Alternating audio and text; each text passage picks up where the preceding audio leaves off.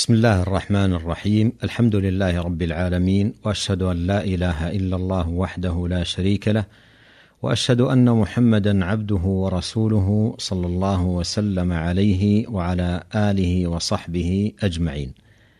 أما بعد فلا يزال الحديث عن تواضع النبي صلى الله عليه وسلم. عن أنس بن مالك قال كان رسول الله صلى الله عليه وسلم يعود المريض ويشهد الجنائز ويركب الحمار ويجيب دعوة العبد. وكان يوم بني قريظة على حمار مخطوم بحبل من ليف وعليه إكاف من ليف. أخرجه الترمذي وابن ماجه. وفي سنده مقال لكن ما ذكر في هذا الحديث من معاني لها شواهدها في سنته صلى الله عليه وسلم الثابتة عنه. قوله كان رسول الله صلى الله عليه وسلم يعود المريض أي صغيرا كان أو كبيرا مسلما كان أو كافرا. وعيادة المريض فيها تسلية له وإدخال السرور على قلبه ودعوته إلى الله وفيها أيضا ثواب عظيم عند الله سبحانه وتعالى. ويشهد الجنائز أن يحضرها ويكون معها حتى يفرغ من دفنها. ويركب الحمار وكان الحمار يعد في ذلك الوقت أقل وسائل النقل شأنا. فركوبه صلى الله عليه وسلم الحمار من تواضعه. ويجيب دعوة العبد فلو دعاه عبد إلى بيت لأجابه. وبمثل هذه الأخلاق الفاضلة والآداب الرفيعة كسب القلوب عليه الصلاة والسلام. وكان يوم بني قريظة على حمار مخطوم بحبل من ليف. قصة بني قريظة معروفة حيث إنهم نكثوا العهد الذي بينهم وبين النبي عليه الصلاة والسلام وخانوه يوم الأحزاب.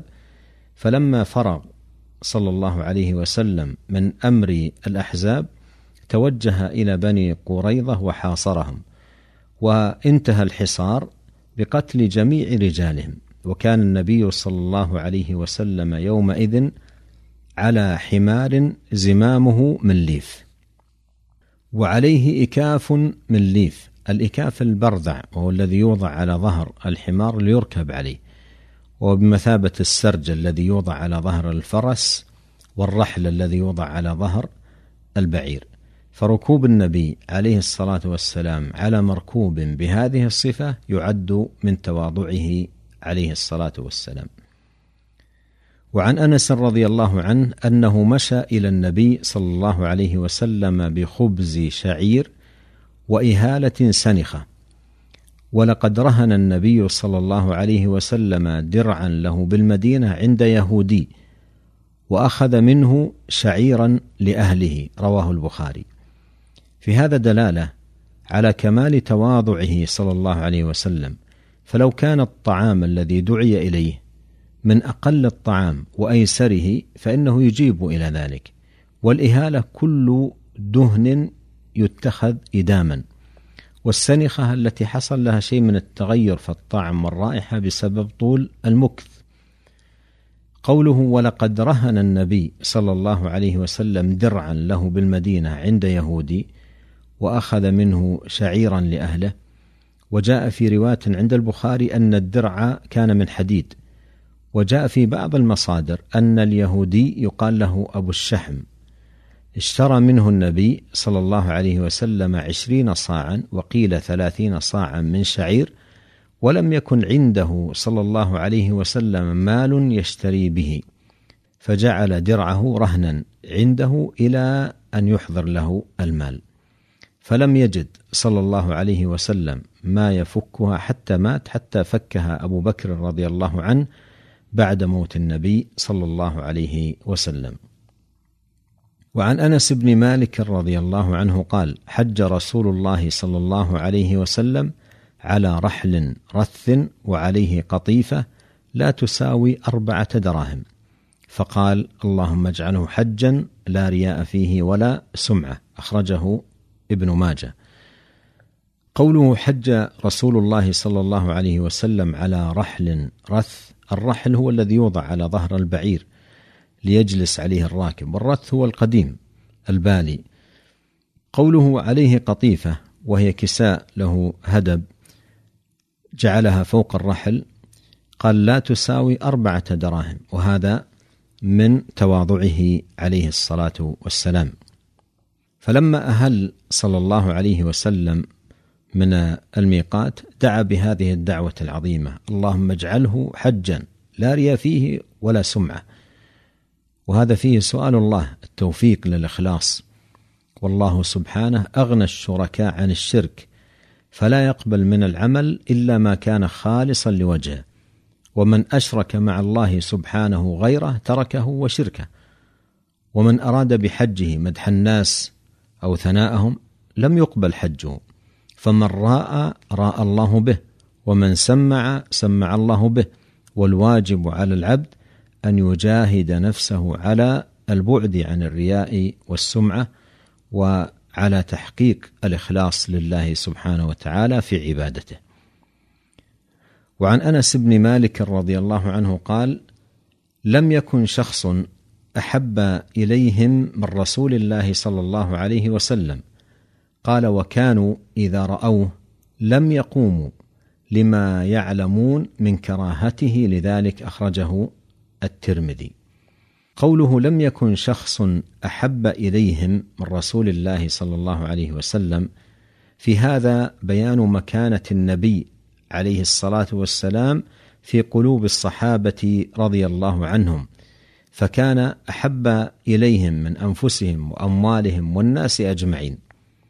قوله وكانوا إذا رأوه لم يقوموا لما يعلمون من كراهته لذلك وذلك لأن محبته صلى الله عليه وسلم تقتضي طاعته ومحبة ما يحب.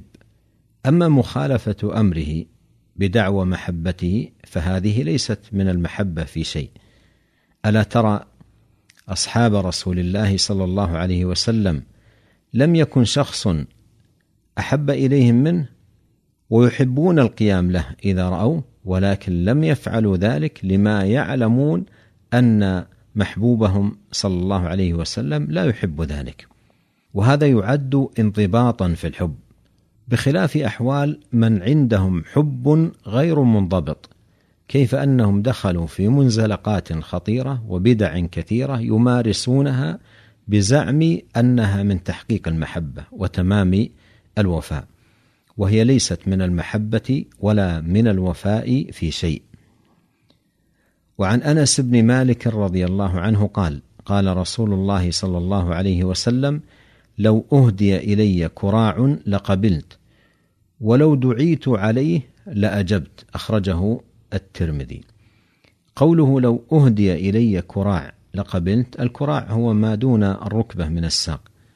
فلو أن أحدا أهداه للنبي صلى الله عليه وسلم لقبله وهذا من تواضعه عليه الصلاة والسلام. وقوله ولو دعيت عليه لأجبت يعني لو دعاني أحد إلى بيته وكان الطعام الذي سيقدمه كراعا لقبلت ذلك وهذا من كمال تواضعه عليه الصلاة والسلام. وعن جابر رضي الله عنه قال جاءني رسول الله صلى الله عليه وسلم ليس براكب بغل ولا بردون. أخرجه البخاري ومسلم. أي جاءه النبي صلى الله عليه وسلم ماشيا على قدميه. جاء إلى جابر يعوده لمرض كان به. فكان صلى الله عليه وسلم يعود أصحابه ماشيا وراكبا. قوله ليس براكب بغل ولا بردون تخصيصه لهذين المركوبين لبيان أنه صلى الله عليه وسلم كان إذا أراد زيارة أحد لا يطلب أحسن مركوب وأجمله بل يذهب على ما تيسر وإلا ذهب ماشيا. والبرذون قيل إنها دابة عظيمة الخلقة تخالف الخيل وقيل هو فرس غير عربي. وعن يحيى ابن أبي الهيثم العطار قال سمعت يوسف بن عبد الله بن سلام قال سماني رسول الله صلى الله عليه وسلم يوسف وأقعدني في حجرة ومسح على رأسي. أخرجه أحمد في المسند. قوله سماني رسول الله صلى الله عليه وسلم يوسف أي لما ولد جيء به إلى النبي صلى الله عليه وسلم قوله وأقعدني في حجره ومسح على رأسي والمسح على الرأس فيه ملاطفة ومؤانسة للصغير وهذا كله من تواضع النبي عليه الصلاة والسلام حيث يلاطف الصغار ويجلسهم في حجره عليه الصلاة والسلام.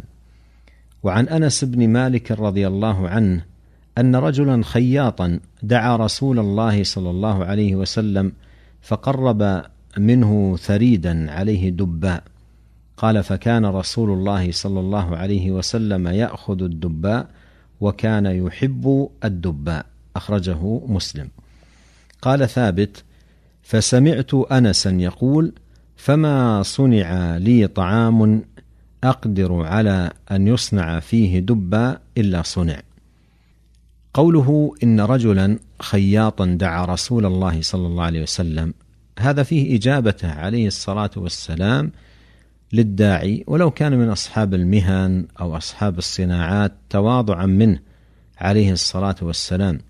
قوله فقرب منه ثريدا عليه دباء أي على الثريد الدباء والدباء هو القرع قوله فكان رسول الله صلى الله عليه وسلم يأخذ الدباء وكان يحب الدباء وما زال أنس رضي الله عنه يحب الدباء منذ رأى النبي صلى الله عليه وسلم يحبه.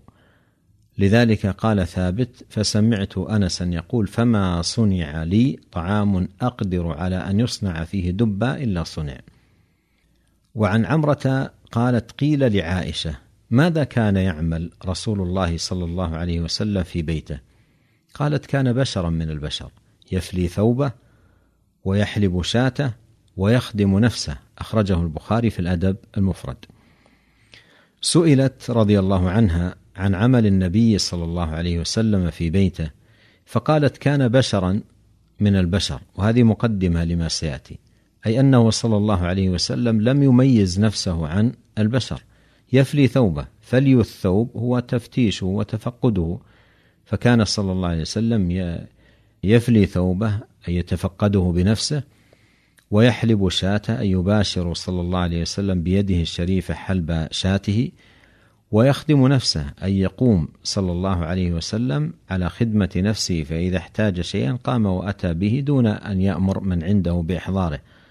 وهذا كله من كمال تواضعه عليه الصلاة والسلام. ونسأل الله عز وجل أن يوفقنا أجمعين لكل خير إنه سميع قريب مجيب. وصلى الله وسلم على عبده ورسوله نبينا محمد وآله وصحبه أجمعين. والسلام عليكم ورحمة الله وبركاته.